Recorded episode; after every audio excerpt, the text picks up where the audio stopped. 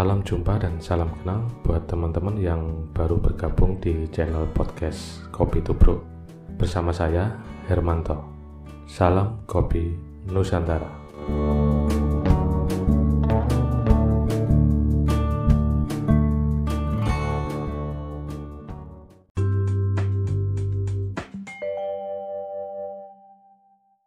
Halo, jumpa lagi bersama saya Hermanto di channel podcast Kopi Tubruk. Di episode kali ini saya ingin memberikan judul Perjumpaan yang Menguatkan.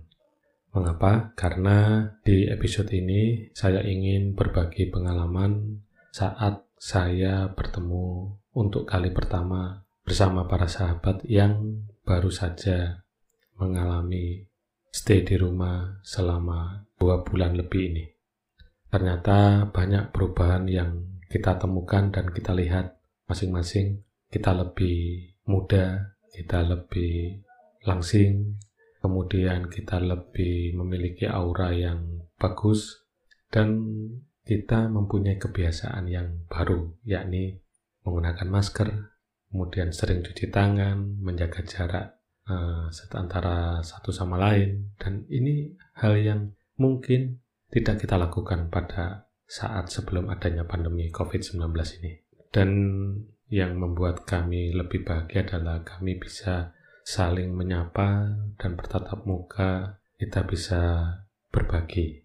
Yang mana banyak para sahabat ini yang frustasi, down, karena kondisi baik itu pekerjaan, kondisi keluarga maupun kondisi ekonomi mereka kita sama-sama terdampak.